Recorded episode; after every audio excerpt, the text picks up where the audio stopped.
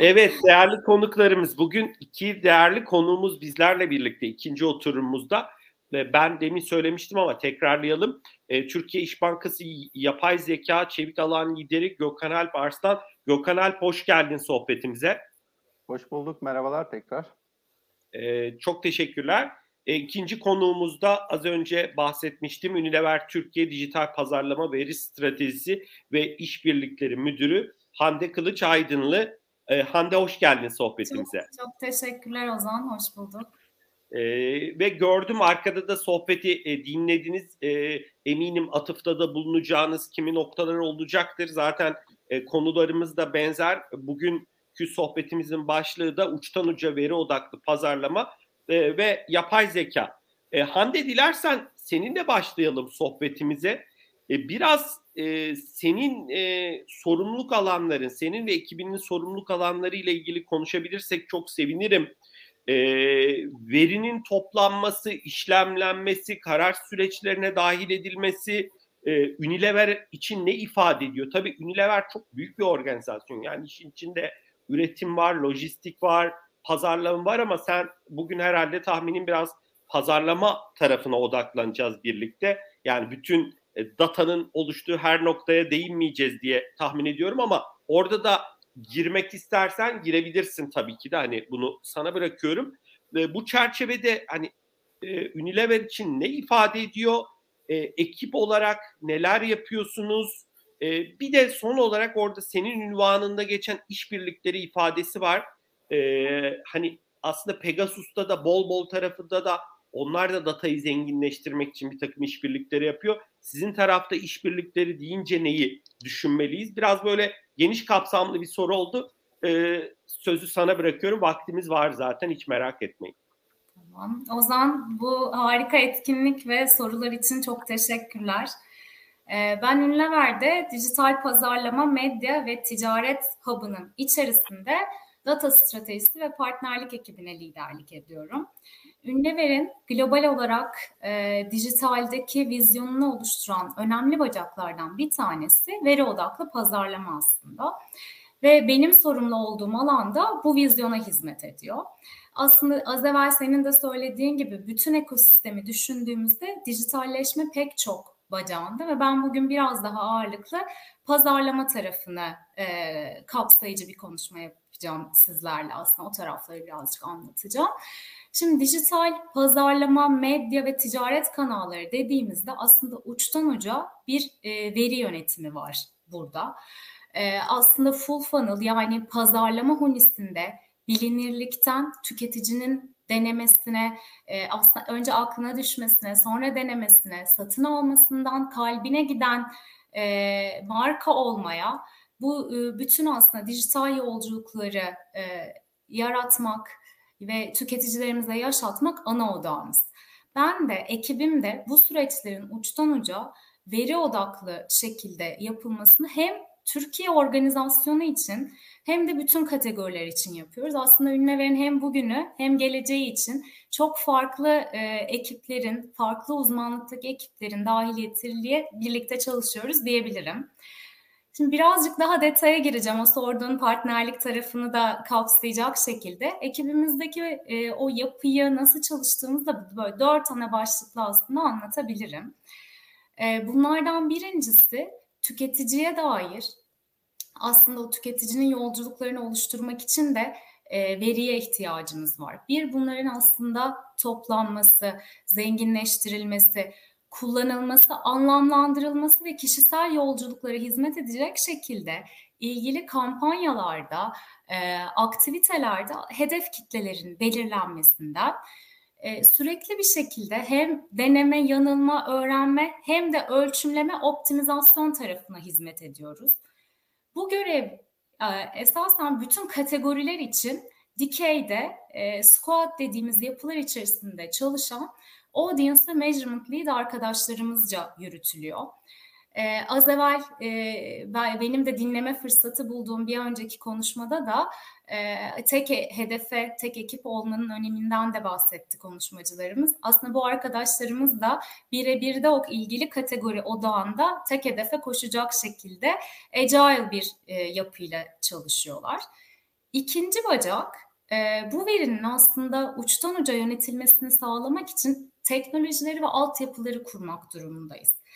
Ve birebir tüketicilerimizle iletişim kurmak için de aslında bütün CRM e, organizasyonumuza e, liderlik eden yine bir arkadaşımız var. CRM Engagement Lead diye geçiyor. E, üçüncü bacak aslında senin sorduğun data partnerlikleri tarafına giriyor. Şimdi bugünün dünyasına baktığımızda aslında e, geleceğin bir parçası veri odaklı pazarlama ve e, dijital dünyada o geleceğin bir parçası olmak, onu yaratmak için de e, ekosistem kurmak, işbirlikleri yaratmak da bir zorunluluk haline de geldi. E, birlikte keşfettiğimiz bazen belirsizlikleri olan da bir e, dinamiği var aslında dijitalin. Bu noktada CRM data ve partnerlik tarafına liderlik eden arkadaşımız da aslında online ve offline satış kanallarından medya işbirliklerine, az evvel yine bahsettiğin bol bola referans verdiğin gibi bizim de içeride farklı sadakat programları, uygulamalarımız var ya da kampanya aktivasyonları, marka işbirlikleri oluyor. Ee, yine bu tarafı son derece toparlayıcı e, işler yürüten yine bir arkadaşımız var yapısal olarak böyle bahsedecek olursam. Şimdi bu tarafta da aslında bunların hiçbir tanesi tek başına ya da bir ekiple birlikte olmuyor. Mutlaka marka ekibinden IT'sine, bazen işte dışarıdan farklı partnerliklere, ya da içeride e, size benim de parçası olduğum o kategori bazlı çalıştığından bahsettiğim dijital pazarlama, medya ve ticaretin bütününü oluşturan yapılarla e, çok kol kola dirsek temasında hızlı çalışıyoruz. Şimdi bu kadar böyle üç tane ana kol anlattım. Hepsinde veriden bahsederken bir dördüncü bacak daha eklemek istiyorum ki bu da veri güvenliliği ve gizliliği. Ee, ki e, bu gerçekten hepimizin çok çok hassasiyetle karşılaştığı ve ciddiyetle ele aldığımızda bir konu. Bu tarafta hem yerel mevzuatları takip eden hem globaldeki gelişmeleri, mevzuatları takip edip he, sektöre yön vermek, e, olan değişiklikleri iyi anlamak ki şirkette hem bunun farkındalığını yaratalım hem işlerimizi e, son derece uyumlu bir şekilde e, yapmayı hedeflediğimizde bir e, alanımız var. Bu alanda da bize e, avukat olan fakat dijital taraftaki kasları son derece kuvvetli e, yine veri güvenliği alanında uzman lider bir arkadaşımız var. Şimdi baktığınızda aslında o hani hikayenin bütününde vizyonla başladık o vizyon ve ekip yapısıyla birlikte e, aslında bu hani söylediğim uçtan uca veriyi e, yönetmeyi e, bu şekilde e, kapsıyoruz. Çok teşekkür çok teşekkürler Hande. Çok teşekkürler Hande. Bu arada e, senin mikrofonundan mı kaynaklanıyor? Bir cızırtı geldi de konuşurken e, onu e, yani e, kulaklık kullanıyorsan kullanmıyorsun gördüğüm kadarıyla ama e, neden kaynaklanıyor diye ona bir bakarız. Ayrıca şuradaki yazışma alanından bir yazışırız. E, şey e, bir cızırtı geldi. Sen de Gökhan Alp duydun değil mi o sesi? Biraz böyle zaman zaman bir cızırtı geliyordu ama. Çok az bir şeyler var ama tolere edebiliriz Tabii gibi de hissettim yani bir yandan da. Tabii ki de. Ee, Gökhan Alp, alabiliriz. Ee, Efendim? Konuşurken belki kendimizi sessize alabiliriz e, Tabii konuşmaya. Belki onu bir deneyebiliriz ama iyi değilse kulaklık bulayım. yok yok onu onu tamam Hande onu şey yaparız. Çok teşekkürler Hande değerli yorumların paylaşımların için. Gökhan Alp sana dönelim e, dilersen. E, senin İş Bankası'ndaki sorumluluk alanların tam olarak neleri kapsıyor? Sen e, LinkedIn'den de baktım çok uzun yıllardır İş Bankası'nda çalışıyorsun ve daha önce e, analitik ekibinde de çalıştın ki onun detaylarına da eminim gireceksindir. Ee, tabii İş Bankası çok büyük bir organizasyon. Çok farklı kanallardan müşterilere dokunuyorsunuz. Arka tarafta ciddi bir veri var. Biraz buradaki yolculuğa eminim sen değineceksindir diye düşünüyorum. Bir de bir teknik bir soru sorayım. Yani e, çok kullanıldığı için belki onu da en başta aydınlatmakta fayda var. Makine öğrenimin lafını çok kullanıyoruz sohbetlerde yapay zekayı çok kullanıyoruz. Hani makine öğrenimi ile yapay zekanın tanımı ya da ilişkisine yönelik belki orada e, birkaç teknik yorumunu alabilirsek sevinirim. Hani o da aydınlatıcı olması açısından ben sözü sana bırakıyorum Gökhan abi. Ee, şimdi e, şeye girmeden önce aslında hani e, biraz durumu tanımlamaya girmeden önce aslında İş Bankası'nın veri konusundaki yolculuğundan biraz bahsedeyim. 98 yıllık bir kurum aslında hani dünden bugüne veri işine girmedi. Big Data Big Data olmadan önce bile İş Bankası'ndaki veri Big Data'ydı. Ee, yani çok uzun yıllardır aslında bir de banka olmanın getirdiği e, ve regülasyona tabi olmanın getirdiği pratiklerden dolayı e, biz uzun süredir veri işini e, çeşitli formlarda operasyonel raporlama için, yasal raporlama için kullanıyor durumdayız. Öte yandan hani bugünlerin geleceğini e, gören vizyoner liderlerimiz bundan yaklaşık 12 yıl kadar önce e, veri sınıfının doğması için ilk adımı attılar. Veri sınıfı de, dediğim de şu, yani infrastructure, altyapıcılar var, işte yazılım geliştiriciler var, datacılar var gibi düşünün. E, ve aslında biz her şeye e, e, kapasiteleri, fonksiyoneliteleri bir map'e, konse- e, kavramsal seviyede bir map'e oturtarak başladık. Bunda da aslında hani Amerika'yı yeniden keşfetmemek için bir referans modeli baz aldık. İşte Data Administration Management Association diye, DAMA diye geçer. Bu framework'ü baz almıştık bundan 12 yıl önce. E, bu framework e, kabaca e, logical seviyede ve conceptual seviyede e, data quality'den reference data management'ına, data governance'dan veri ambarcılığa, işte business intelligence'dan data security'ye e, birçok konuda aslında birbiriyle olan ilişkileri e, ve hangi kapasiteyi implement etmeniz gerektiğini tarifler. Benim de aslında data sınıfına geçmem bu döneme denk geliyor. Ee, şey gibi e, data architecture'ın ya da data governance'ının ilk doğduğu ve filizlenmeye çalıştığı dönemler bu dönemler. Bu e, bu yolda biraz yürüdükten sonra aslında mantıksal veya kavramsal seviyede durum netleştikten sonra artık tabii böyle bu böyle gitmez. Fiziksel olarak bir hayatımıza dokunması lazım bunun noktasına geldik ve e, veri ambarının single sort of truth yani her şeyin tek bir bilgi olduğu noktaya doğru evrilmesi ve bunun etkili şekilde son kullanıcılara ulaştırılması konusuna eğildik. E, ve bu eğilimde e, bazen silo e, geçmişten gelen silo şeklinde dağılmış yapıları tek bir merkezde toplayıp yani e, o dönemler şey belki hatırlarsın o zaman C-level ya da genel müdür bir veri istediğinde üç farklı yerden isteyip üç farklı ayrı cevap aldığı bir dönemden bahsediyoruz. Yani onu sonlan ilk amacımız bunu sonlandırmaktı. E, yani herkes aynı cevabı verebilsin istiyorduk e, özünde. Şimdi böyle bir dönem yaşadık. Aynı zamanda teknolojinin de o dönem gelişmesiyle verinin eski veri değil aslında e, real time ya da near real time veriyle beslenmesi e, işlerinin de altyapısını o dönem kurguladık. Ee, daha sonra benim odam aslında analitik uygulamalar diye geçen e, yani eski nesil bildik işte transaction uygulamaların ötesinde daha çok veriyle bir şey üretebilen işte aleme işte anti-money laundering, karlılık, fraud, şüpheli işlemler, işte kara para aklama gibi yani bir transaction'ın içinde çözemeyeceğiniz e, geçmişte olan bütün olayları hesap ederek aslında kurgulanmış uygulamalara odaklandığım bir dönem var. E, ondan sonra aslında yapay zekaya geçiş yolculuğum başlıyor. Yapay zeka geçiş yolculuğumun ilk e, rolü Chapter Area diye geçer. Aslında veri analistleri, veri bilimciler, veri mühendisleri, e, yapay zeka mimarları için bir çeşit personal trainer gibi düşünebilirsin fitness level'larını korumaya çalışıyordu. Ya tabii böyle söyleyince hani değişik oldu ama e, şöyle söyleyeyim yani daha önceki e, panelde de bahsettiler. Yetkinlikin ya da talent'ın gelişmesi önemli ama onun up to date kalması da önemli. Hatta e, e, kişilerin birbirlerinin ürettiği değeri tüketmeye başlaması, birbirleriyle yardımlaşması, bir community'nin parçası olması, birinin çözdüğü problemi diğerinin reuse etmesi daha da önemli. Bunun psikolojik bir önemi de var. Zaten hani e, çok verimlilikle ilgili bir önemi var. Aslında böyle bir dönem yaşadım. Ee, insanların hani e, aynı design pattern'ları kullanması, eğitimlerinin tasarlanması, yetkinliklerin oluşturulması ve en uygun ihtiyaç duydukları squatlara konumlandırılması.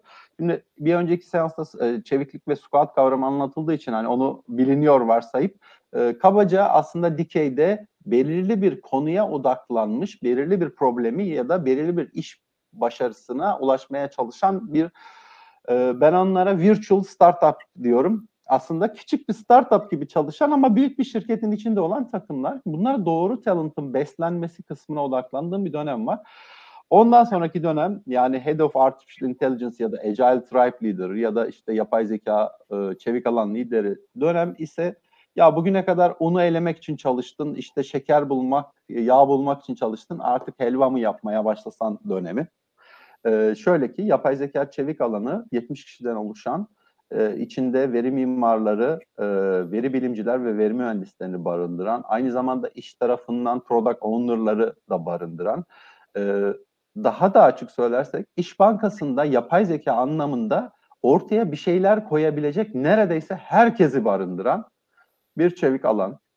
E, ve temel... e, hepsini kap yani bankadaki tüm e, noktaları kapsıyor değil mi? Yani senin bahsettiğin gibi bu bir güvenlikle ilgili bir konu da olabilir. Yani işte e, kara para aklama ile ilgili bir konu ya da işte bir e, atıyorum e, son tüketiciye dokunacak bir çözümle de ilgili olabilir değil mi? Yani oradaki spektrum evet. çok geniş. Bir, bir sınır tanımıyor. Aslında şey e, nerede değer varsa, nerede müşteriye ya da çalışana değer üretebiliyorsak bu kısım da önemli. Biz çalışana değer, yapay zekalar çalışana değer üretme kısmını da çok önemsiyoruz. E, domain bağımsız. Yani bugün pazarlama eventi olduğu için domine pazarlama konularından bahsediyor olmakla birlikte pazarlama en fazla üçte biri kapsıyor aslında e, hani yüzde altmışlık bölge verimlilik tahsis, takip, fiyatlama tarzı bölgelere de yoğunlaşmış. Çünkü bir bankanın aslında fonksiyoneliteleri e, yani büyük bir holding gibi düşünün. Yani yapay zeka ile ATM'ler arası gidiş rotasını bulmuşluğumuz bile var. Ve hani insanların cep telefonuna gönderip ya şey arama, yol arama, sen bu rotadan git demişliğimiz bile var. Ee, şimdi bu noktada hani ufak bir girişten sonra biraz yapay zeka, yapay zeka dedik. Bugünlerde de bir celebrity durumu var yapay zekanın. Yapay zeka gerçekte ne biraz da ondan bahsedelim. Ee, şey, e, yapay zekanın e, bu celebrity durumu aslında çok eskilere dayanıyor. 1770. Hani belki duymamışsınızdır. Mechanical Türk diye satranç oynayan bir robot geliştirdiğini iddia eden biri var. Ee, özünde e, robot da değil, satranç da oynayamıyor. Ee, bir çeşit fake, fake bir yapay zeka. Yani yapay zekanın ilk çıkışı fake bir çıkış. Ee, aslında şeyin mekanizmanın içinde bir insan var. Mekanik olarak dışarıda oynanan şeyleri, hamleleri içerideki insana gönderiyor. O geri hamle yapıyor. Ama yıllar boyunca şey yapılamıyor bu. Hani gerçekten yapay zeka değilse bile bir robot olduğu şeyi var, durumu var. E, olayın ilk başlangıcı da magaziner ama gerçek başlangıcı 1956'da Dor, e, Dortmund'da yapılan bir seminerle başlıyor ve ilk yapay zeka adının gerçek anlamda alındığı ve tasvirinin yapıldığı dönem. Ee, şimdi e, ve bugünlere gelene kadar hayat o kadar da kolay olmadı yapay zeka için. İki tane kış geçirdi. 1969'da ve 1980'de de neredeyse her biri 10 yıl süren kış geçirdi yapay zeka. Yapay zeka winter diye geçer. Ee, insanların yapay zekadan artık bir şey üretme ihtimalinin, umudunun kalmadığı, akademisyenlerin araştırma şeylerini başka yönlere kaydırdığı, e, endüstrinin daha kural bazlı ya da software development bazlı dönemlere geçtiği bir dönemler de var. Yani bugünlere... Gökhan e, tabii ki amacım çok uzatmak değil. E, çok kısa o dönemler nedir? Ya yani çok kısa böyle alabilir mi? Şimdi 1969 ve 1981'de ilk e, yapay zeka kışı yaşandı. 1987 ve 1997'de de ikincisi yaşandı. Bu dönemlerde e, aslında teori e, teorik olarak yapay zeka ortaya konulmuş ve meçhur, görece meçhur durumda olmakla birlikte veri miktarı ve computation power'ı yani hesaplama gücü makinaların o Zayıf. logical olarak ortaya konulmuş modeli geliştirip ticarileştirmeye uygun değildi. Şimdi bir şey ticarileşmiyorsa fonlanamıyor. Fonlanamayınca da yani doğmadan ölüyor gibi bir durum var. Aslında kışların derdi buydu temelde. Ama bugün bu oyun külliyen değişti. Şimdi ilerleyen zamanlarda bu oyundaki değişikliklerden de biraz bahsedeceğim. Ee, değişikliğin ilk anı gene bir oyunla başladı. Bu tarihçeyi hep kesmek üzereyim. 1987'de bir satranç Grandmaster'ını Gary Kasparov'u IBM'in Deep Blue'su yendi. 2010 2016'da e, Go bir Go Master'ını Lee Sedol'u e, Google'ın AlphaGo'su yendi. Şimdi ilki gene şeydi e, hani biraz şeydi ama Go mesela satranç oyununa göre çok daha değişken stratejiler barındıran çok daha karmaşık ve olasılıkların sonsuza uzandığı bir oyun. Orada bir insanı yenebilmek, sezgisel gücü ekstrem bir noktada bir insanı yenebilmek ki Grandmaster'lar o seviyede oluyor. E, gerçekten oyun değiştiğinin bütün insanlığa ilanı gibi bir şeydi. Şimdi çok... yapa... Dinliyorum Gökhan ee, şimdi, e, şimdi bu noktada hani e, bu bu yolları anlattıktan sonra yapay zekayı da şimdi biz biraz bilim kurgudan duyduk işte Matrix'ten, e, Terminator'dan duyduk ama yapay zeka aslında daha bir geniş bir şemsiye kavram. O kadar da kompleks olmak zorunda değil. Yani şöyle anlatayım. Mesela A noktasından B noktasına giden en kısa yolu bulan ya da sudoku çözen bir algoritmada bir yapay zekayı barındırıyor. Hani bunun geldiği işte şeyin Google'ın bir görseli arama motoru da bir yapay zeka. Özünde bir şemsiye kavramından bahsediyoruz yapay zeka derken. Ben seansın gerisinde yapay zeka diye kon- konuştuğumda aslında bundan sonraki kavramdan bahsediyor olacağım. Makine öğrenmesi. Makine öğrenmesi ise daha spesifik bir programla tasvir etmediğimiz, bir kuralla anlatmadığımız e, yönlendirmeleri, içerikleri, bir algoritmanın tamamen verilere bakarak öğrenmesi aynı bizim öğrendiğimiz gibi. Hani biz nasıl bir her şeyi kuralla öğren, öğrenmiyoruz, gözlemliyoruz, hayattan sürekli bilgi akışı oluyor beynimize. Öyle öğreniyoruz. Makine öğrenmesi temelde bu demek. Yani bir kural söylemiyorsun, bir program iletmiyorsun.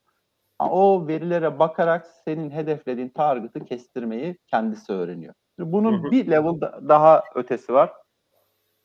Evet Gökhan e, dinliyorum. E, deep learning, e, deep learning ise bunun e, deep de şey daha fazla katmandan, daha insan beyni gibi nöronlarla konumlanmış, daha insan beyni gibi tasarlanmış versiyonu. Hani bir gizli katmanların da araya konulduğu, açıklanabilirliğin düştüğü, biraz miracle'ın başladığı bölge. Ee, şimdi seansın gerisinde yapay zeka dedikçe aslında makine öğrenmesinden bahsedeceğim ama deep learning'i spesifik olarak söyleyeceğim. Deep learning case'inin olduğu durumlar. Çok çok Deyip teşekkür. Öylece toparlayayım. Çok teşekkürler. Ee, e, bir burada aslında ben ikinize dönmek istiyorum. Yani Hande seninle başlayabiliriz.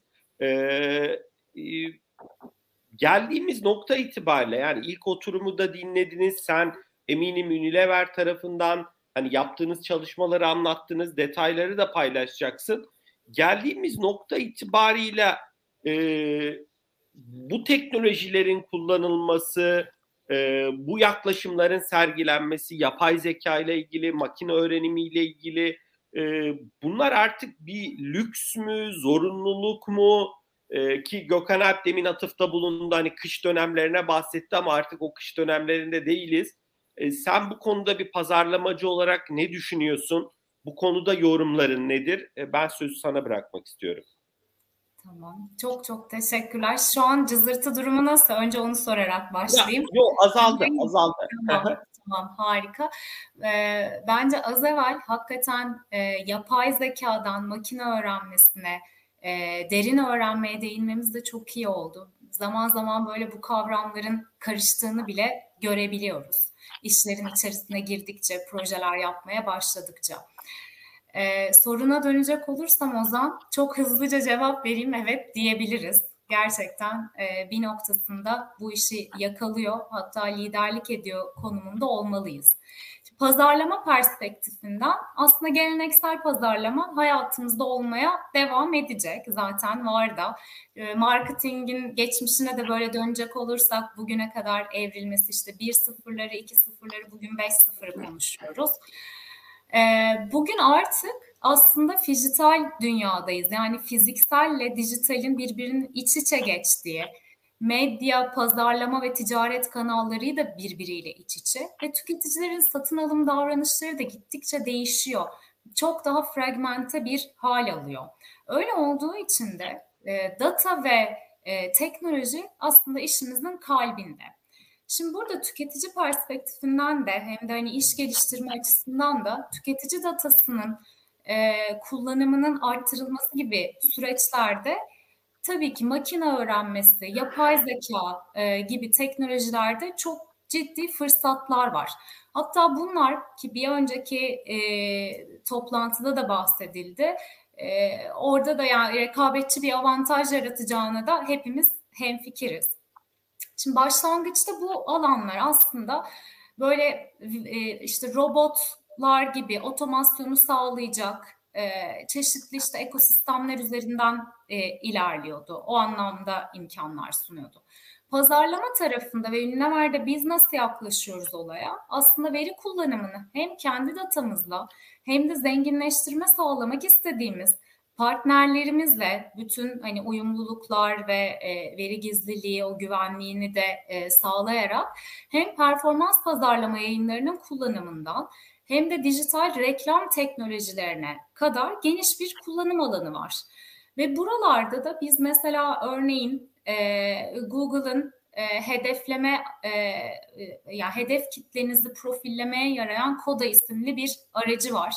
Biz burada Ünlever olarak bunun hatta beta sürüm, sürümündeyken daha denemesini yaptık.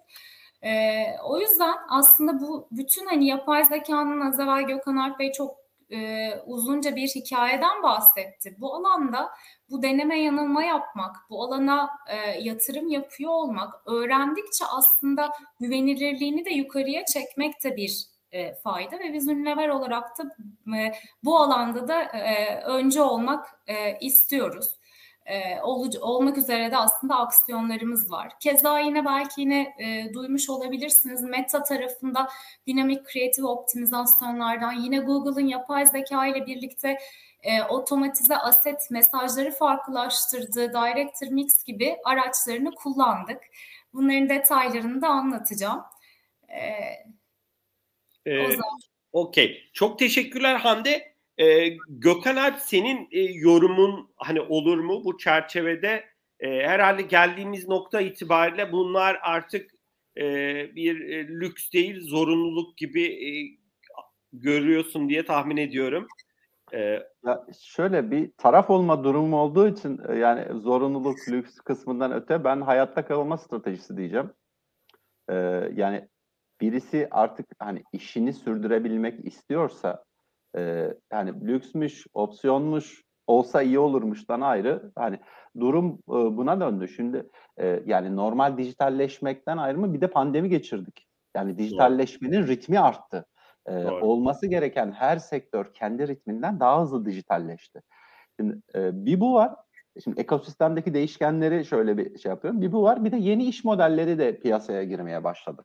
Hani e, şimdi Uber gibi taksisi olmayan bir şirket var yani ya da Alibaba gibi store olmayan bir retail var. E, ya da Airbnb gibi e, evi olmayan bir kiralama şeyi var. Şimdi bunların iş yapış şekilleri de aslında e, bir durumu değiştirdi.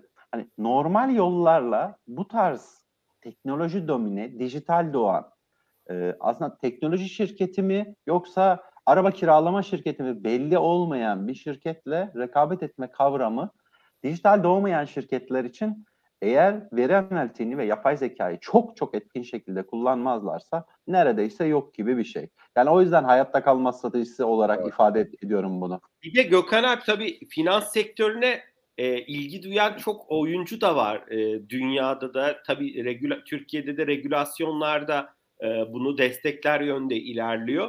E, doğal olarak hani herkesin o anlamda pozisyonunu alıyor olması gerekiyor sonuçta. Seni seni çok iyi anlıyorum. Hı hı. Demin orada Gökhan abi çok kısa bir şey soracağım. Sonra tabii sohbetimizi derinleştirelim. Demin sen derin öğrenme dedin, yapay zeka dedik, makine Hı. öğrenim dedik. Orada bir hiyerarşik sıralamaya koysam yani mesela hani şemsiyeler olarak hangisi hangisini kapsıyor? Yani biraz orada çok kısa birkaç cümleyle yorumun olabilir miyim ya? ya şöyle e, hiyerarşi demeyeyim ama hani kapsayıcı kümeler diyeyim. Her şeyi kapsayan yapay zeka. Tamam. Çünkü o e, gerçekten çok basit algoritmaları da kapsıyor. Makine öğrenmesi ise onun altında bir halka olarak düşünün. Ee, ona kuralları ve vermediğiniz bir dünya gibi o. Derin öğrenme ise makine öğrenmesinin bir daha da alt, daha da şey yapılmış, özelleşmiş bir bölgesi olarak düşünün. Yani iç içe e, üç tane yuvarlak, en dışarıdaki yapay zeka, ortadaki makine öğrenmesi, en içerideki e, en karizmatik olan da deep learning. Okey. Çok çok teşekkürler. Çok teşekkürler. Eminim değerli dinleyicilerimiz de hani merak edenler bunları daha fazla araştıracaktır. Biraz aslında İş Bankası ve e, Unilever özeline dönelim. Ya sonuçta e, ilk baştaki sohbette de e, biraz değinildi ama biraz daha çok e, Pegasus özelindeki o projeye odaklandık. Sonuçta baktığımız zaman işin içinde bir süreç var. İşin içinde bir teknoloji var. İşin içinde bir insan faktörü var baktığımız zaman. Büyük dönüşüm projelerinde ya da işte e, yani büyük veriyle ilgili, yapay zeka ile ilgili, veri analitiğiyle ilgili bütün işlerin içinde sonuçta e, bu olmak zorunda. Bu bileşenler olmak zorunda. Baktığınız zaman yani e, burada Gökhan abi istersen seninle başlayalım Hande'ye geçelim. E, burada e, yaptığınız yatırımlar, aldığınız aksiyonlar, e, yaşadığınız challenge'lar e, bu çerçevede yorumların ne olur? E, bunun sözü sana bırakıyorum Gökhan sonra Hande ile devam edelim. Şimdi e, bu konuyu üzerinde aslında e, yetenek kısmı, talent kısmı ya da insan kısmından uzunca konuşmak istiyorum ama hani teknoloji ve süreci pas geçmeyeyim diye çok kısa bahsedeyim. Süreç de aslında süreçler öyle tasarlanmalı ki e, kurumu ya da e, kapasiteyi sürekli canlı, otonom ve çevik durumda tutmalı. Canlı demek ne demek? E, aslında e, sürekli inovasyonun peşinde koşan, yaptığı yöntemi geliştirmeye çalışan bir kurum durumunda tutuyor olmalı. Süreçlerin tasarlanış şekli aslında İş Bankası'nda e, yani beni tanıtırken çevik alan lideri diye bir şey müdürü beğenmedim farkındaysanız. Aslında bu bunun göstergesi. Yani çevik olarak, otonom olarak e, çalışabilme kültürünü oturtmayla ilgili bir yaklaşıma ihtiyaç duyuyor süreçler. Şimdi teknoloji kısmı ise biraz daha şey, e, biraz daha e, çift yönlü.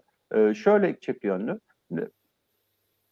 Bir iki tane e, use case yapmak için teknoloji yatırımla, cloud'la falan aslında çok atladı ve olması gerekmiyor. Ama gerçekten bunu bir kültür e, problem çözüş yöntemine dönüştürdüğünüzde teknoloji yatırımı sürdürülebilirlik anlamında çok ciddi bir şeye dönüşüyor. Çünkü yapay zekanın verdiği kararlar günlük operasyonların içine enjekte oldukça teknolojinin gerçekten çok sağlam, kırılmaz, esnemez ve dökülmez, dayanıklı bir şekilde olması gerekiyor. Şimdi bütün bunları yaparken aslında e, şey anlamında e, bir şimdi e, bir e, resilience kavramının üzerine oturmak gerekiyor. Bu bir çeşit hijyen faktörü gibi e, söyleyeyim. Yani bankacılığın doğası da ne yapsanız zaten bu hijyen faktörünü sağlamanız gerekiyor. Şimdi, öte yandan şöyle de bir fırsat var. E, şeyi atayım. E, bu Matrix'te kayan kapaklı bir telefon vardı. Hatırlayan var mı? Öyle basıyordunuz tık diye açılıyordu kapağı. Benim ilk telefonum oydu. Şimdiki ise böyle e, mini bilgisayar tarzı bir şey. Bu değişiklik benim talebimle mi doğdu? Aslında teknolojinin yapabilme kapasitesi ihtiyacı şekillendirdi. Teknoloji bazen bunu yapıyor. Yani teknolojide gelişmeleri takip ettikçe, geliştikçe bazen iş yapış şeklini kutunun dışında değiştirerek değiştirme kapasitesine de sahip. Buna reel örnek vereyim hani bu kavramsal açıklamalardan. Şu anda İş Bankası cloud'da çalışmıyor olmasına rağmen yapay zeka uygulamalarının tamamı cloud native olarak tasarlanıyor ve geliştiriliyor. Yani cloud'da çalışmaya hazır durumda anlamında. Ya da düzenli ağırlıklarla quantum computing konusunda bir fırsat var mı diye sürekli şey içindeyiz, arayış içindeyiz. Ee, bunu bu, bunları kısaca özetledikten sonra yet, yetenek konusuna şey yapayım. Yetenek konusu önemli çünkü e, bir önceki seansa da geçti. E, bir darboğaz durumu var. E, biraz da ülkenin konjektüründen dolayı e, yetişmiş yeteneklerin de aslında e, şeyi artıyor, fırsat maliyeti artıyor. E, öte yandan hani olay bu durumdayken e, biz olaya şeyle bakıyoruz, yapay zeka vizyonunun ikinci parçası bizim için yapay zeka çalışanın yerine değil yanına konumlandıran vaka. Yani biz aslında yetenekleri geliştirmekle ilgili e, kavramı e, çok ciddi önemsiyoruz. Buna en marjinal örneğim şu olacak. İş Bankası'nın tamamında genel olarak e, veri kullanım ya da analitik becerileri arttırmak, veri odaklı iş yapabilmek için bir eğitim tasarladık. Farkındalık eğitimi. Katılımcı sayısını tahmin etmenizi ee, sizin yapı büyük Gökhan Alp. Yani sonuçta en az bir 2000-3000 kişi katılmıştır. Peki e, son aldığım update 6000'de muhtemelen e, daha da geriden geliyor. E, yani ben geriden geliyorum. Hani update evet. alma konusunda biraz şey davrandım. E, 6000 kişi katıldı. Yani 6000 çalışan hiçbir ünvan, yaklaşım, rol sınırı olmadan yapay veri bilimi konusunda, istatistik konusunda, e, veri görselleştirme konusunda bir farkındalık eğitimi aldı. Şimdi bunun üzerine daha sonra veri analisti olarak çalışmak için de eğitim aldılar. E, şimdi bu aslında kurumun bütününü veri okur yazarlığı konusunda bir yere getirmek için yaptığımız girişimler. Tabii daha özelleşmiş aktivitelerimiz de var. E, yapay zeka çevik alanında çalışan veri mühendisleri ve veri bilimciler için e, akademiler, işte bootcamp'lar düzenliyoruz. Ve durum sadece bununla e, da bitmiyor. E, belki bilmiyorum farkında mısınızdır. Koç Üniversitesi ile bir akademik işbirliğimiz var. QUIS diye geçer. E, yani tasarımı aslında birçok amaca hizmet ediyor. ARGE projeleri e, en, e, akademiyle endüstrinin işbirliğini temsil eden şey, e, temsilen konumlanmış bir işbirliği. Öte yandan e, ekosisteme ya da henüz mezun olmamış öğrencilere de düzenli olarak işte yapay zeka sohbetleri, yapay zeka kış okulları düzenliyoruz. Yani ülkenin genelinde aslında bu veri odaklı değişim ve düşünce şekliyle ilgili böyle bir e, oturumumuz var diyeyim. E, çok, böylece toparlamış olayım. Çok teşekkürler Gökhan Alp. E, sonuçta tabii çok büyük bir yapı e, İş Bankası ve sonuçta son tüketiciyle de şubelerinizde katınca e, son, son tüketiciye de dokunan ciddi bir e, şubelerde de personel var. Şeyi çok iyi anlıyorum. Yani o teknolojiyi onların yanına koyduğunuz zaman o insanların da e, bunlarla aşina olması, e, aynı dili konuşuyor olması lazım. Hande e, sana dönelim. E, biraz sana az söz verdiğimi hissettim yani süre olarak. E, biraz rahat konuşabilirsin. Merak etme. E, Sizdeki yaklaşım nedir? İşin süreç, teknoloji, insan tarafındaki durumlar nedir? Burada karşılaştığınız zorluklar oluyor mu? Ee, tabii çok farklı demin bahsettiğim gibi işte farklı e, teknoloji providerlarının da tool'larını da kullanıyorsunuz. Hani Google'dan bahsettin, Meta'dan bahsettin. E, biraz bu yolculuktan bahsedersen çok sevinirim. E, nereler sizi zorluyor, nerelerde e, gelişim fırsatları var. Ben sözü sana bırakıyorum. Tamam. Harika, teşekkürler. Şimdi aslında e, pek çok benzer noktalara e, da değindik. Şimdi baktığımızda bu dijital ben konuyu birazcık daha böyle pazarlama tarafına e, odaklayacağım ve Ünlever'in kendi alanında yaptıklarına. Şimdi burada hepimiz aslında hemfikiriz. Dijital taraf zaten uzun zamandır bir ilme halindeydi ve pandemi de geçirdik. Bununla birlikte de eksponansiyelde bir artışa gitti. Bazı şirketler e, buna hazırlıklıydı. Ama gördük ki pazar ve tüketici aslında çok hızlı bir şekilde adapte olmak durumunda da kaldı. Şimdi bunun iki tane bacağı var. Tam da Ozan senin söylediğin gibi bir tanesi teknoloji bacağı, bir tanesi insan bacağı. Önce ben de teknolojiden başlayacağım. Ee, Ünlever olarak pandemiden de önce aslında teknolojileri hem içeride yeteneklerimiz için e, kullanıyoruz, kullanıyorduk da e, ve her zaman da geliştiriyoruz. Hem de aslında tüketicilerimiz için yapıyoruz. Yani buna topluma bir fayda sağlamak e, ve tüketicilerin hayatını kolaylaştırmak için de ana olarak merkezimizde. Ünlever'de pandemiden önce de e, ortaya konulan bir e, vizyon da vardı. Yani temelleri atılmış ve son noktada, e, son geldiği noktada da biz teknoloji tarafında da sorumlu içerikler, platformlar ve altyapılar üzerine e, sorumluluk hisseden e, partnerlerle çalışmanın taahhüdünü veriyoruz aslında. Bu da e, hem teknolojiyi insan için yapmak ve toplumu korumak, geliştirmek e, çok ciddi önemli odak alanında. Bu vizyonları belirlerken de aslında altlarını da aksiyonlarla, projelerle dolduruyoruz. Şimdi insan bacağına gelecek olursak da aslında biraz daha yetenek diyelim onu yani içerideki ekiplerle birlikte.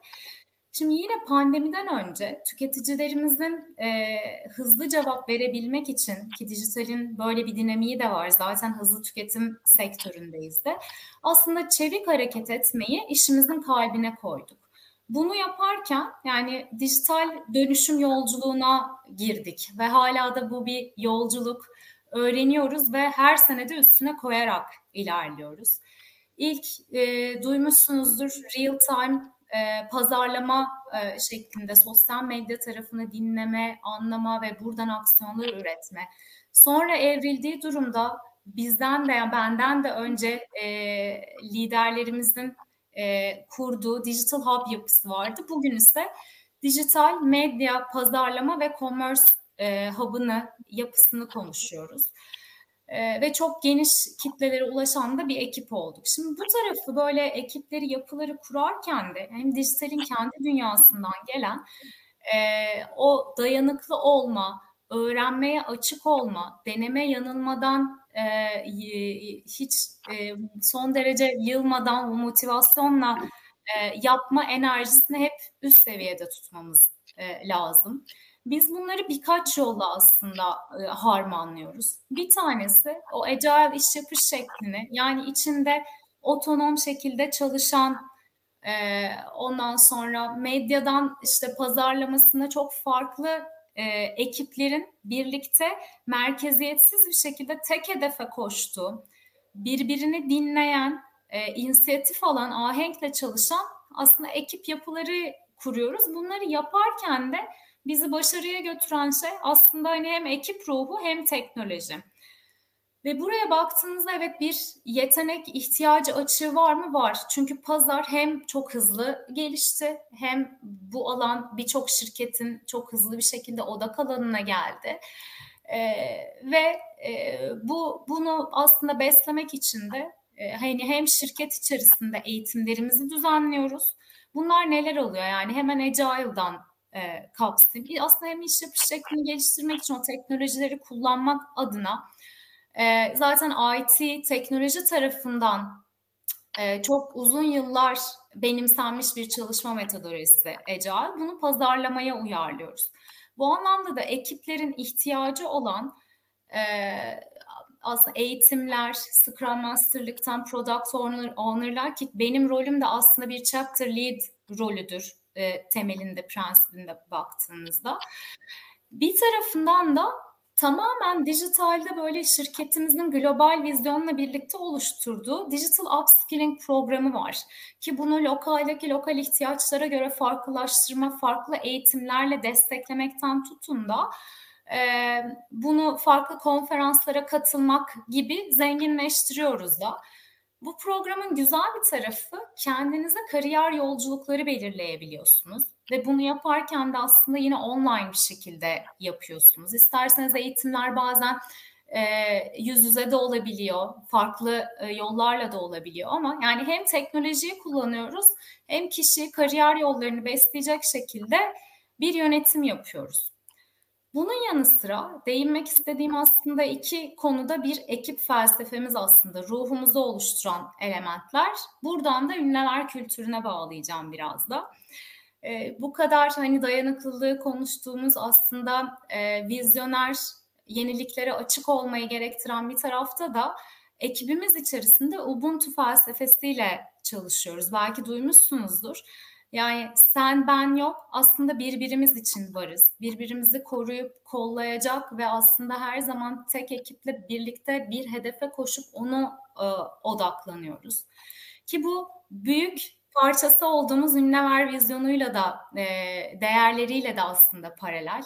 E, çünkü Ünlever'de e, hani kültürümüzün önemli bir parçası da amaç odaklı e, yetenekler, markalar ve şirketimizin amacına da hizmet etmek. O yüzden bunun da altını çizmeliyim ve Ünlever'de e, saygı, birbirini işte dinleme, her zaman en iyi hedefleme gibi çok kıymetli değerlerimiz var ve kültürümüzün bir parçası olarak e, dahiliyetçi liderliği benimseyerek aslında bir liderlik okuluyuz da. E, ve bütün bunları yaparken aslında geniş ekiplerle birlikte çalışırken, e, sektörü yönlendirirken ya da sektörden beslenirken e, iyi hissetme ajandamızı da insanlar insanlarımız için, yeteneklerimiz hatta kendimiz için de ayakta tutuyoruz. Bunu e, insan kaynaklarının yürüttüğü e, bir program şeklinde de var. Ama bazen aslında günü mutlu kapatmak, işinden tatmin bir şekilde kapatmak, günlük baza indiğinizde ekibine halini hatırını sormak ya da bir yerde yardıma ihtiyacı varsa o geri bildirim alanlarını açmak veya onu fark edip hemen e, üstlenip e, yardımına koşmak ve o işi bitirmek e, kısacası birbirine hani bu değer verdikçe de o psikolojik boyutunda bir e, kelimeyle değinmişler Gökhan Alp Bey bunu birazcık daha detaylandırmış oldum. Aslında o değerli ve iyi hissetme hali kariyeriyle de beslendikçe aynı yolda birlikte büyüdüğünü gördükçe bence yetenekleri çok e, geliştiriyordu. Bunu yaparken de aslında iş yapış şeklimizde de hep teknoloji var işin bacağında. Hep teknolojiyle ama insan odağında çalıştığımızın hem tüketici hem yetenek bacağında bir kez daha altını çizebilirim.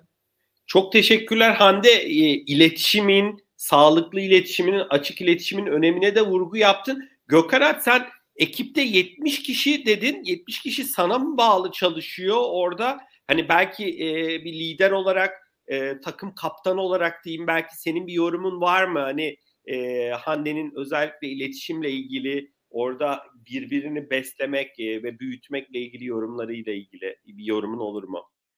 Şimdi bağlılık kısmı Hande bu arada Hande... yayından koptu ama bağlanır herhalde. Benden kaynaklanmadı. Hande seni tamam. bekliyoruz. Sorun değil. Bağlanırsın.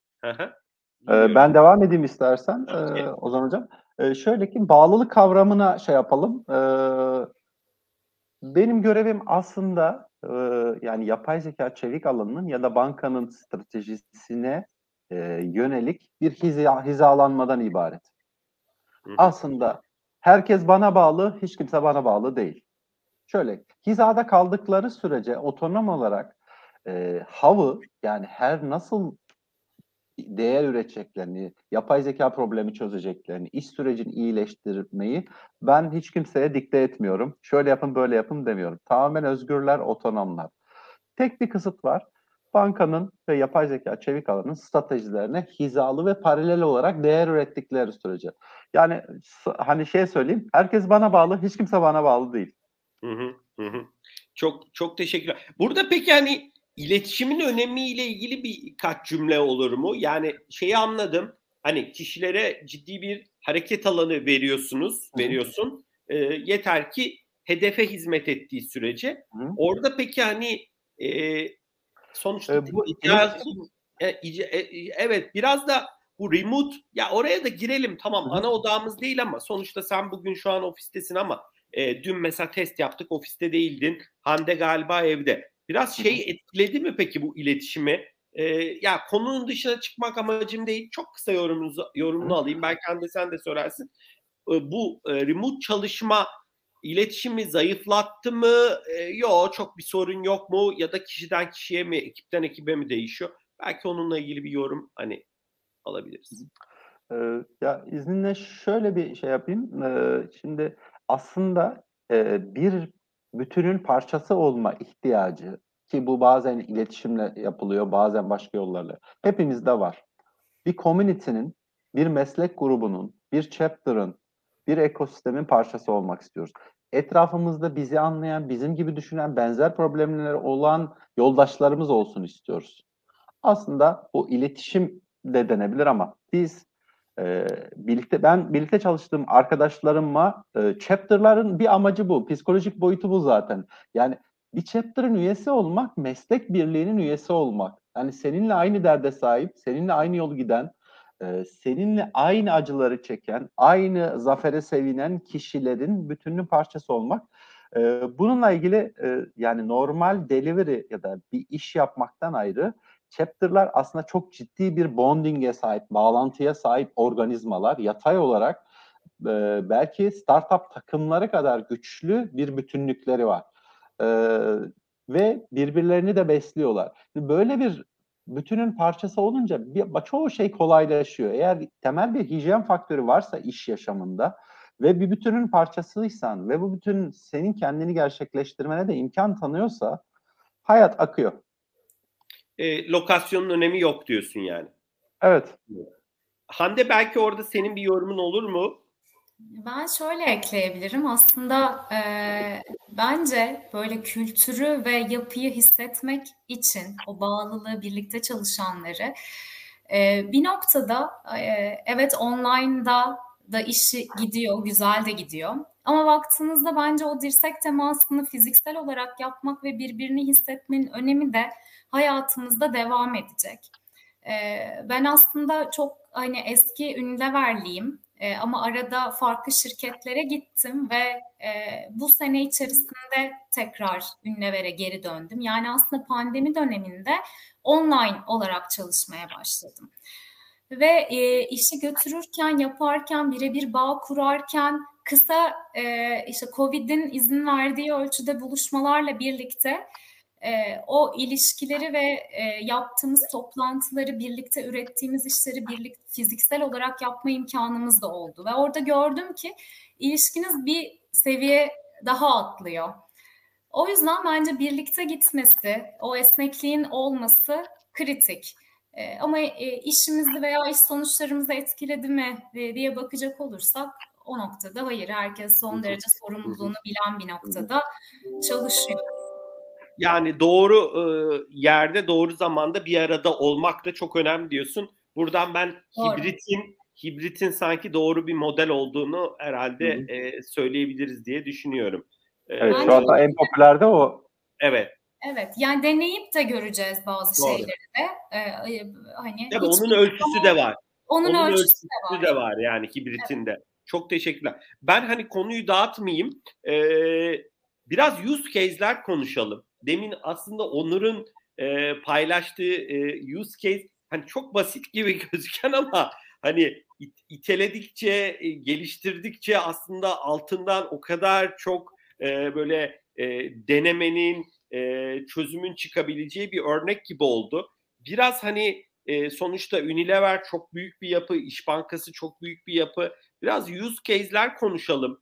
E, ajandanızda ne gibi projeler var bunları konuşalım. Bu arada ikinci oturumda olduğumuz için e, biliyorum Gökhan abi senin bir buçukta önemli bir toplantın var. Tabii amacım bir buçuğa kadar uzatmak değil ama hani bir 5-10 dakika müsaitseniz uzatabiliriz sohbeti. Biraz Hı. use case'ler konuşalım. E, dilersen Hande seninle başlayalım.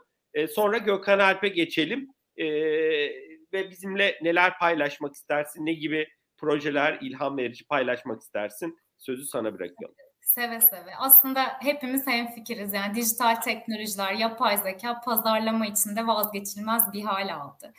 Ve bugün pazarlama tarafında hani tüketiciyle bağımızı özel kurmak için e, ve bağımızı güçlendirmek için daha kişiselleştirilmiş iletişimlere de e, önem veriyoruz. Ve burada günlük hayatta gördüğünüz, izlediğiniz bir reklamın altında da çoğu zaman aslında e, yapay zeka ya da makine öğrenmesi gibi teknolojiler var. Şimdi Ünlever'de de bu teknolojileri aslında iki türlü hayata geçiriyoruz. Bir tanesi içeride data ve analitik e, hub'ımız var ve burada e, veri bilimcilerden veri mühendislerine, hatta pazarlama kökenli içgörüleri aksiyona dönüştürmeyi, içeride e, oyunları e, kurmaya liderlik eden arkadaşlarımızla birlikte e, geçtiğimiz dönemlerde aslında hep descriptive analytics'ten bahsettik. Yani mevcut durumun resmini çekmekten. Bunları bir üst noktaya taşıyarak predictive, prescriptive yani tahminleme ve tahminlemenin bir adım ötesine giderek e, farklı aksiyonlar belirleme, buradan öğrenmelerle birlikte bu e, yolculukları da yeniden tasarlamaya yönelik e, aslında e, yapılar tasarlamak e, amaç.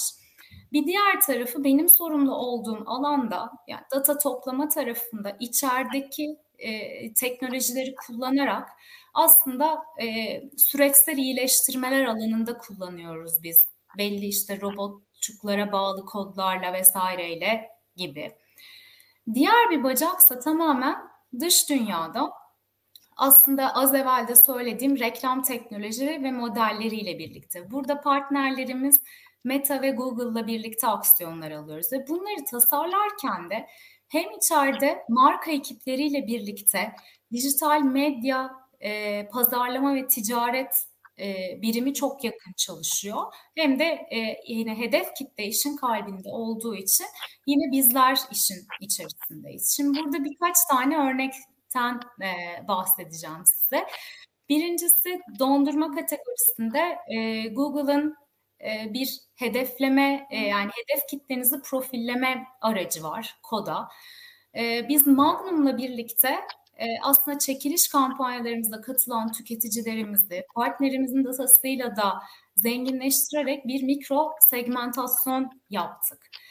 Ve burada e, e, yine Google'ın Director Mix teknolojisinin altında yapay zeka ile bu mikro segmentleri farklı asetler, iletişimler üretecek şekilde kampanya planları ve e, tasarımları yaptık. Yani böyle 31'in üzerinde yaklaşık 31 farklı segmentte e, aslında farklı iletişimlerle birlikte kampanyalar tasarladık. Tam da sezon dönemindeydi. Yani uçtan uca işin özüyle datadan beslenen teknolojiyle olan zaten kodayı ta beta sürümündeyken denediğimizi söylemiştim. Başarılı kampanyalara e, birlikte tasarladık bütün ekipçe. E, ve dünyada da ilk ülke olduk böyle her ikisini birlikte e, kullanan da. E, ve biraz yani bu bu şekilde aslında daha spesifik hedeflemelere gidelim. Hedefleme. Ya sonuçta Hamdi sizi anlıyoruz. Yani sonuçta e, bir Pegasus ya da İş Bankası örneğinde tüketiciye doğrudan dokunan e, markalar var sonuçta.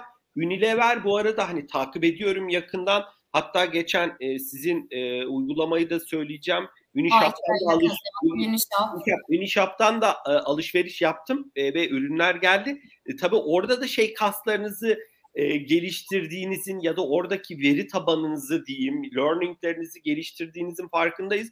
Daha çok hani first party data diyebileceğimiz aslında senin o e, Magnum örneği de çok ilham verici. Ben o açıdan çok fazla düşünmüyordum ama eminim tüketici de düşünmüyordur ama sonuçta orada da çok ciddi bir veri elde ediyorsunuz. Sonuçta e, tabii izinli bir veri sonuçta tüketici. E, doğal olarak sizin e, biraz durduğunuz yer e, daha çok hani daha çok bütçeyi de harcadığınız belki e, yapabildiğiniz e, iletişim tarafında doğru hedeflemeleri yapabilmek e, ve e, doğru şekilde bütçeye aloke ediyor olabilmek e, ve dokunuyor olmak tabii ki tüketiciye. O açıdan hani bunu çok anlayabiliyoruz. E, hani e, çok da normal yani o anlamda hani e, bunu söyleyebilirim. Sen başka bir ben başka... ekleyeceğim böyle iki üç nokta daha var Tabii eklemek ki. istediğim o zaman. Tabii bir ki. tanesi yani senin bu söylediğinde aslında bizim content platformlarımızı paylaşmak istiyorum. Bir tanesi Algida ile Kazan uygulaması. Hı hı. Ee, ve hem webten hem app'ten erişebilirsiniz. Bir sadakat programları uygulaması. Ee, dondurma yedikçe farklı e, e, hediyeler e, kazanabilirsiniz burada. Ee, yine Algida ile bakkal uygulaması var. Aslında yine tüccarlar tarafına, ticari tarafa hizmet eden. Sipariş direkt yine benzer şekilde B2B platformumuz. Unishop senin de kullandığın üzere daha kapalı devre bir e, platform. E, ve bunun gibi aslında kategori spesifik işte e, Knorr tarafında, e, gıda tarafında yemekte keyif var e, platformu var. Hem tüketicilerimizin etkileşimini, onların hayatını kolaylaştıracak içerikler ya da onları mutlu edecek hediyeler, çekilişler, kampanyalarla birlikte aslında bu etkileşimi sağlıyoruz. Ve bu da çok kıymetli. Yani mesela şimdi Knorr'dan örnek verdik, onunla devam edeyim. Ee, Ramazan döneminde Knorr vakti, e, Knorr, e, iftar vakti, Knorr vakti e, dedik ve Getir'le birlikte bir işbirliği yaparak e, Meta'nın dinamik kreatif optimizasyon aracını e, kullanarak aslında belirlediğimiz illerde tüketicilerimizin en çok soru sorduğu işte iftara kaç saat var, e, neye ne pişirsem gibi ihtiyaçlarına cevap verecek şekilde iftardan birkaç saat öncesinde iletişimler yapmaya başladık. Hem geri sayım yapıp hem de ürünlerimizle tüketiciyi buluşturacak şekilde. Ee, ve aslında 300'den farklı aseti e, o dinamik olarak üretip e, tüketicilere sunmanın da aslında e, mutluluğunu yaşadık bir noktada. Ve yine böyle globalden bir örnekte paylaşacağım. Mesela yine arka planında e, yapay zeka ve yine teknolojinin olduğu e, Magnum e, siz e, e, bir uygulama üzerinden mobil e, tabanlı e, telefonunuzun kamerasından sizin e, gözlerinizden ne kadar çok Magnum istediğiniz o Magnum hazzınızın seviyesini ölçerek e, ona yönelik bir promosyon kodu tanımlayan belirli bir yüzdeye bağlayarak ve bu tüketicilerde hem gerçek anlamda bir e, etkileşim de uyandırıyor. Buradan aslında şeye bağlayacağım hani yine sorundaki o e, zorlandığımız alanlar demek doğru değil ama dikkatle yaklaşmamız gereken alanlardan bir tanesi de aslında bu kadar hani teknolojiyi ve veriyi konuşurken de e, veri güvenliliği, gizliliği ve yapay zekanın kendi doğasından gelen de aslında o modelleri güvenle birlikte kurmanın e, verini oradaki verinin modelin e, kalitesine e, ölçmeyi e, ve o, o konuda da aslında dikkatle yaklaşmayı da her zaman gelişime açık olduğunu da e, işin merkezinde tutmak yine önemli.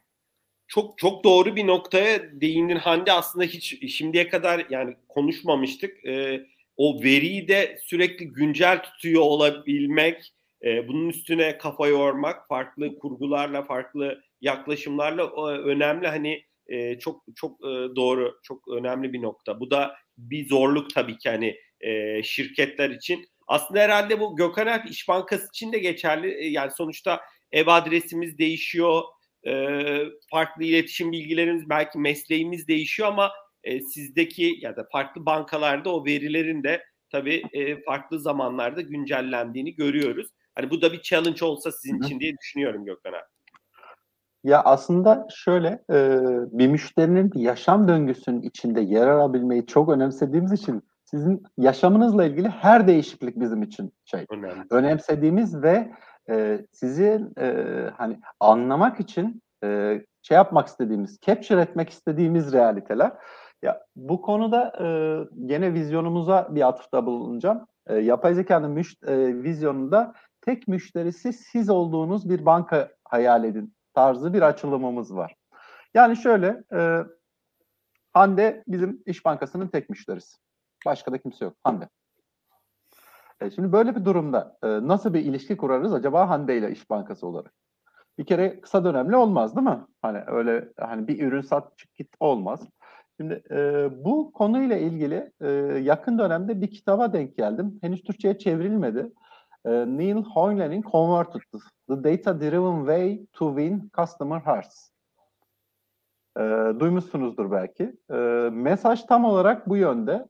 E, yeni yeni dünya düzeninde ya da gelecek e, açılımlarında artık müşteriyle olan ilişkimizi anlık optimizasyonlar ya da anlık satış, anlık zafer değil, aslında lifetime kurgulamamız gerektiğine dair e, yazılmış bir kitap. Hatta bununla ilgili yaklaşımlar işte best pratikler falan anlatıyor kitapta. Şimdi ben e, hani e, şey bahsetmiştim yapay zeka çevik olanı olarak pazarlama hariç aslında birçok alanda da geliştirme yapıyoruz. Ama bugün pazarlama e, konuştuğumuz için hani pazarlamanın içinde bir de bu vizyona, bu best practice'e hizmet eden use case'leri seçmek istedim. Ee, ilki e, next category to shop. Şöyle, kendimden örnek vereyim. Bana iletilen tekliflere, pazarlama yaklaşımlarına benim tolerasyonum iki sefer ya da üç sefer. Eğer benimle uygun değil, benim için kişiselleştirilmemiş, benim e, içinde olduğum durum ya da personama uygun olmayan pazarlama leadlerine iki ya da üç defa gelirse e, e-mailde rule engine yazıyorum. E, yani direkt rule yazıyorum. Onu permanently delete ediyorum. şeyde notifikasyonu kapatıyorum SMS'te. WhatsApp'ta zaten blokluyorum. Yani hani benim gibi müşteriler var. Gelecekte herkes benim gibi de olabilir bu arada. Ya inşallah olmaz ama herkes buna dönüşebilir. Şimdi e, burada bizim temel yaklaşımımız aslında e, pazarlama bütçemiz var diye bir e, genel mes pazarlama yaklaşımından ziyade her bireye bankanın tek müşterisi gibi ona özelleşmiş, onun eşref saatinde, bu arada zamanlama da önemli. Yani hani şu anda gelen bir pazarlama lead'indeki duygularım ne olabilir yani şu anda demin, gelen. Demin Hande'nin Knorr örneğinde aslında zamanlamanın önemine de hani evet. yani sabah e, bir iftara yönelik bir mesaj çok e, önemli değil ama e, şey e, işte iftar saatine yakın bir mesaj oldukça önemli yani sonuçta oruç tutan bir kişi için. Mesaj mesaj aynı zamanda timingle e, şey oluyor. E, ya kaldıraç etkisiyle değerleniyor ya da şey daha tersi yönde düşüyor. Şimdi e, bizim aslında e, hani Next Category Shop use case'imizin ana fikri tamamen bunun üzerine size böyle e, hiç benzin arabanız yok benzinle ilgili kampanya falan göndermiyoruz. Ya da market alışverişini yapan ailedeki birey başka biri e, yani şu markette şu var burada bu var ya da e, şey sektöründe kişisel bakım işte e, sektöründe alışverişiniz çok rare, e, çok nadir. Yani size özelleşmiş, sizin ihtiyaç duyacağınız timingde ve içerikte kampanyalar e, size iletiyoruz. İlk use case'in ana fikri bunun üzerine kurgulu.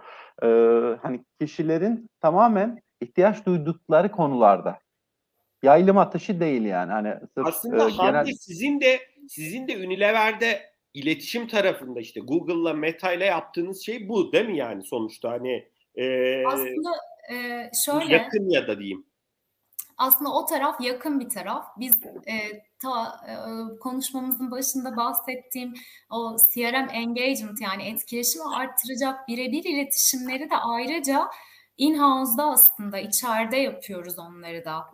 E, tüketicilerimize o iletişimleri kuruyoruz. Bu bahsettiğim platformlar e, aracılığıyla. Aracılığıyla. Orada da ciddi anlamda e, pazarlama işte otomasyon araçları var e, içinde hı hı. yer alıyor. Bunları da yine tüketicinin ürünlere ulaşabileceği alışveriş yolculuklarına da bağlıyoruz ve e, Gökhan Alp Bey'in söylediği şey aslında hızlı tüketim sektöründe de var. İşte saati, günü, e, o eşref saati bence çok güzel bir tanımlama oldu. Onu yakalamak tüketici tarafında önemli. Hı hı. E, o yüzden var yani. Okay. Ben biraz daha partnerlik tarafında daha çok e, aslında mecralar üzerinden e, bahsettim. Tabii ki. Tabii ki. Ama yine de mecralar üstünden o mesajı doğru Aynen. zamanda doğru kişiye ya da segmentlere ile, iletme hedefiniz var yani sonuçta. Var, var. Tabii, tabii ki kişiselleştirilmiş şekilde. Aynen. Gökhan Alp ben sözünü kestim. Ee, sen Hı. devam edebilirsin. Ee, şey e, ya bir tane de şeyden örnek vereyim. Yani şimdi kampanya dünyasından örnek verdim. Ürün dünyasından bir örnek vereyim. E, farz edelim e, bir üründe bank, bankamızın stratejisi olarak şey istiyoruz. Büyüme beklentisi içindeyiz. Spesifik olarak böyle bir beklentimizin olduğu, böyle kaldıraç ürünlerin olduğu durumlar oluyor. Peki Şimdi beklen niyetimiz var. Üründe büyümek istiyoruz. Pazarlama bütçemiz de var. Ee, herkese bunu satmak mıdır şey yol? Bunun e, ya da pirince giderken evdeki bulgurdan olma durumu var. E, birine onunla ilgili olmayan bir ürünü satmak konusunda çok ısrarlı şey göndermeniz, e, aslında pazarlama aktivitesi göndermeniz olduğunuzdan daha kötü bir noktaya getirebilir sizi müşteri algısı e, ya da sizinle ilgili deneyimi anlamında. Şimdi, e, diğer e, use case'te aslında tamamen bununla ilgili bir ürünü satmakla ilgili hala hazırda hiç onunla ilgisi olmayan yani bu şey kadar basit değil yani profili ona uygun olmayan mi? Bu ürünle hiç ilgilenmemiş, hiç eğilimi olmayan o ürünü daha önce almış olan müşterilerin gösterdiği tipik davranışları göstermemiş. Aslında ürünü alma eğilimi olmayan müşterilere değil, tam olarak ürünü alma eğilimi olan zaten e, yakın zamanda ya bizden ya başka bir e, rakibimizden bu ürünü ya da bir türevini alacak müşterilere o ürünü gönderiyoruz sadece. E, bu da aslında hayatı kolaylaştırıyor. E, şöyle ki Ya şu anda hani biraz şey e, grip sezonundayız. Herkes ya öksürüyor ya böyle boğazı şey yapıyor. Instagram'da sağ olsun bana şey gönderiyor sürekli e, akışta. E, doğal öksürük kesici ürünleri akıtıyor önümden. Seviyorum bunu. Yani ve iyi yapıyor. Biz de böyle iyi yapacak use case'leri konumlandırıyoruz. İkinci use case de bu. Yani spesifik bir ürün söz konusu olduğunda ona halihazırda alma eylemi olan bir O kadar dediğine yüzde yüz katılıyorum. Ee, İş bank ya banka ismi vermeyeyim ama ya bazen mesela işte kredi e, mesela hedef verilmiş belli işte ve bir belki bir çağrı merkeziyle anlaşılmış. E, kredi satılacak tamam mı? Hmm. E, ya bir bakıyoruz hani ısrarlı bir telefon geliyor hani belki açmıyoruz bir de onu da öğrendim aslında o da bir learning oldu. Orada bir veri tabanı havuzu var siz şimdi cevaplamazsanız o havuzdan çıkmıyorsunuz. Ben bir başka bir bankada çalışan arkadaşımla konuşmuştum. Abi demiştim çok e, arıyorsunuz. O demiş ki abi aç e, işte robota ilgilenmediğini söyle ki havuzdan çık yoksa seni cevapla ısrarlar demişti. E, ben de o yüzden e, açıyorum ki e, ya bloklamak lazım ya açmak lazım havuzdan Hı. çıkmak için. Hakikaten o da şeyi bozuyor. Yani bu sefer e, çalıştığınız bir bankaya olan, bir kuruma olan bakış açınızı çok e, bozuyor ki aslında e, sizde çok ciddi bir veri var. Yani kredi kartı harcamalarını da düşününce, e, kişilerin e, limitlerini düşününce yani neye ihtiyacı olabilir, neye olmayabilir bunları e, görmek çok e, zor değil. E, bir de e, yani e, o agresif bir hedef olabilir ama o hedefe e, hizmet etmeyecek kişiye iletişim yapmak hakikaten hele bunu telefonla yapmak zaman zaman bu da ilişkileri çok e, bozabiliyor. Ben de bir tüketici olarak paylaşmak istedim. Çok e, haklısın. E, Gökhan Alp orada anladığım kadarıyla başka bir use case e, çok hani e, pa- ben burada hani şeyi söyleyeyim. Bazen biz veriyi e, hani e, ister istemez belki şey diye düşünüyoruz. E, yani yazılı ama imaj da bir veri değil mi yani sonuçta? E, baktığınız zaman yıllar önce Hakan Bey'i ben bir sohbette e, e, şu anki İş Bankası'nın CEO'su e, izlemiştim. E, şeyden e, şeyi söylemişti. ATM'lerdeki kamera açısı değiştiği zaman e, mesela ATM'lerin otomatik e, devre dışı kaldığını söylemişti mesela. E, herhalde orada da bir bir takım sensörler ya da işte bir tanımlanmış bir alan o alanın dışına e, image çıktığı zaman, görsel visual çıktığı zaman e, burada bir e, risk var, sıkıntı var. Biz en iyisi ATM'yi kapatalım diye herhalde bir kurgunuz var. Bir de bir Hı-hı. tüketici olarak hani o hedefli iletişime ben de bir iş bankasından bir örnek vereyim. Benim sevdiğim bir örnek işte e, diyelim ki e, işte Sabiha Gökçen Havalimanı'na gittik diyelim. E, yurt dışına çıkacağız. ATM'den işte euro çekildi, dolar çekildi. E, bir hemen bir bildirim geliyor işte e, yurt dışı çıkış sigortası e, yaptırmak ister misin diye. Mesela bu güzel bir iletişim. Tam hedefli yani belli kişi hani dolar çekmiş, euro çekmiş. E, bir de ATM'yi de görüyorsunuz. Yani Hı. bunlar e, hakikaten güzel iletişimler, hedefli iletişimler. Ben de bir tüketici olarak hani e, seninle paylaşmak istedim. E, bunu söyleyebilirim. Hande Şimdi... ben demin senin sözünü kestim mi? Yani senin paylaşmak istediğin başka use case var mı? E, ben şunu anladım ama yani bir kendi platformlarınıza Unilever yatırım yapıyor. Onun dışında da özellikle pazarlama tarafında ve partnerlerinizle birlikte e, doğru iletişimi yapmak, doğru zamanda, doğru kitleye, e, doğru mesajları vermek için de yoğun bir e, yatırım yapıyor, çaba sarf ediyor. Ben bunu algıladım. E, senin hani eklemek istediğin bir nokta varsa seve seve dinleyebiliriz. Ya aslında en başta söylediğim hani uçtan uca veriyi yönetiyoruz dediğim noktaya baktığınızda hem dışarıda partnerler tarafında tüketiciye giden yüzü hem içeride CRM iletişimleri e, ya da içeride o data ve analitik ekibiyle birlikte ya da benim ekibimin parçası e, halinde operasyonları, içgörüleri çıkartacak şekilde böyle toplam bir ekosistem gibi çalışıyoruz aslında. Ve bunların işte aksiyona dönüşmüş e, hallerinden de e, yanılmıyorsam bir, bir beş tane e, örnek verdim. E, böyle toparlayabilirim. E, ben çok teşekkür ediyorum. Bu arada e, süremizi de aştık. Ee, yani çok keyifliydi sizlerle bir arada oluyor olmak, birlikte sizleri dinlemek. İlk oturumda da e, iki değerli konuğumuz vardı bildiğiniz gibi. E, dilerseniz e, birlikte kapanışı yapalım. E, hani kapanışı yapmadan da Gökhan Alp son hani eklemek isteyeceğin birkaç cümle var mı? E, birkaç yorumun olur mu? E, aynı şekilde Hande senin de. E, sonrasında da dilerseniz birlikte bu sohbeti kapatalım. E, umarım ilk fırsatta da tekrar ilerleyen dönemde bir araya geliriz. E, bunu söyleyebilirim. Gökhan Alp e, bir eklemen olur mu? Şöyle, e, şimdi bir kitap tavsiyesinde bulundum. E, bir de film tavsiyesinde bulunayım. Brad Pitt'in 2011 yılında Moneyball diye bir filmi var. Bilmiyorum izlediniz mi? Spor draması ama içinde veri analitiğinin bir kurumu, bir takımı nereden nereye getirebileceği, düşük pazarlama bütçesiyle, doğru analizlerle nasıl oyuncu seçilebileceğini e, anlatan bir film. Ben Bunu, izledim. Hakikaten çok çok değerli, çok güzel bir film. Analitiği şey e, Amerikan futbol takımı mıydı? E, beyzbol. Beyzbol. Beyzboldu. E, Koç oluyor. Tamam. E, koç'un yanında bir veri analisti var. Harvard ekonomi mezunu. E, aslında o sihir ondan geliyor biraz. Koç e, sadece vizyonu olan biri ve şey akıllı biri. E, ya bu konuda e, hani çok şeyi de uzatmadan şimdi yapay zeka şimdi bir tarafta olduğum için yapay zeka coşkusuyla her şeyi anlattım ama yapay zeka özünde bir kaldıraç. Ve bu kaldıraçın kaldırabilmek için, e, bazen imkansızı başarabilmek için, bazen sihir gibi sonuçlar üretebilmek için bir destek noktasına ihtiyacı var.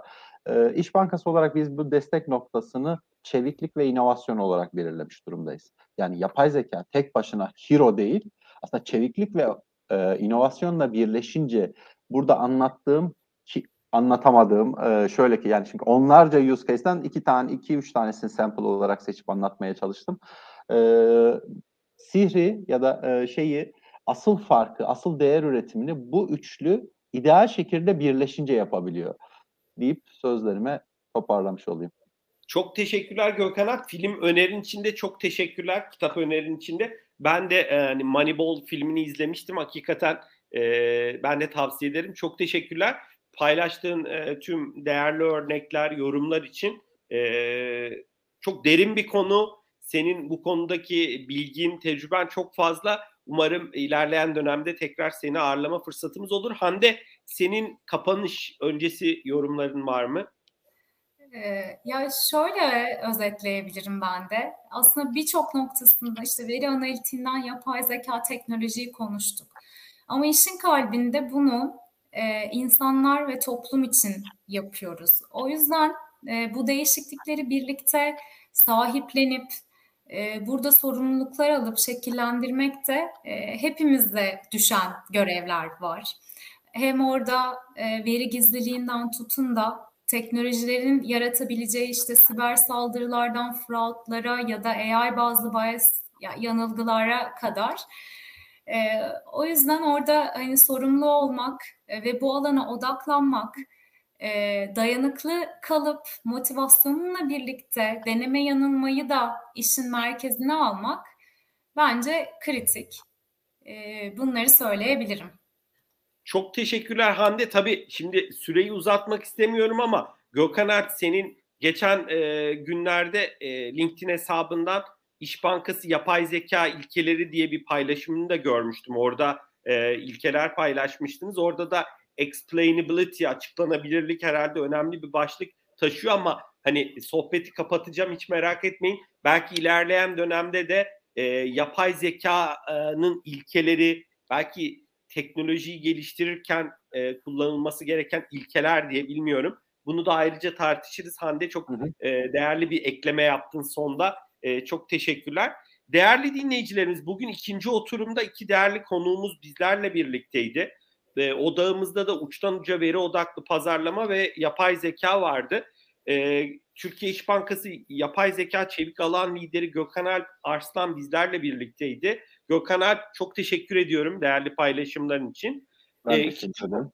Çok sağ ol. İkinci konuğumuz ise Unilever Türkiye Dijital Pazarlama ve Veri Stratejisi ve İşbirlikleri Müdürü Hande Kılıç Aydınlı'ydı. Hande çok teşekkürler değerli paylaşımların için e, katkıların için. E, dilerseniz bu sohbeti birlikte kapatalım. Değerli dinleyicilerim sizlere de keyifli bir gün diliyoruz.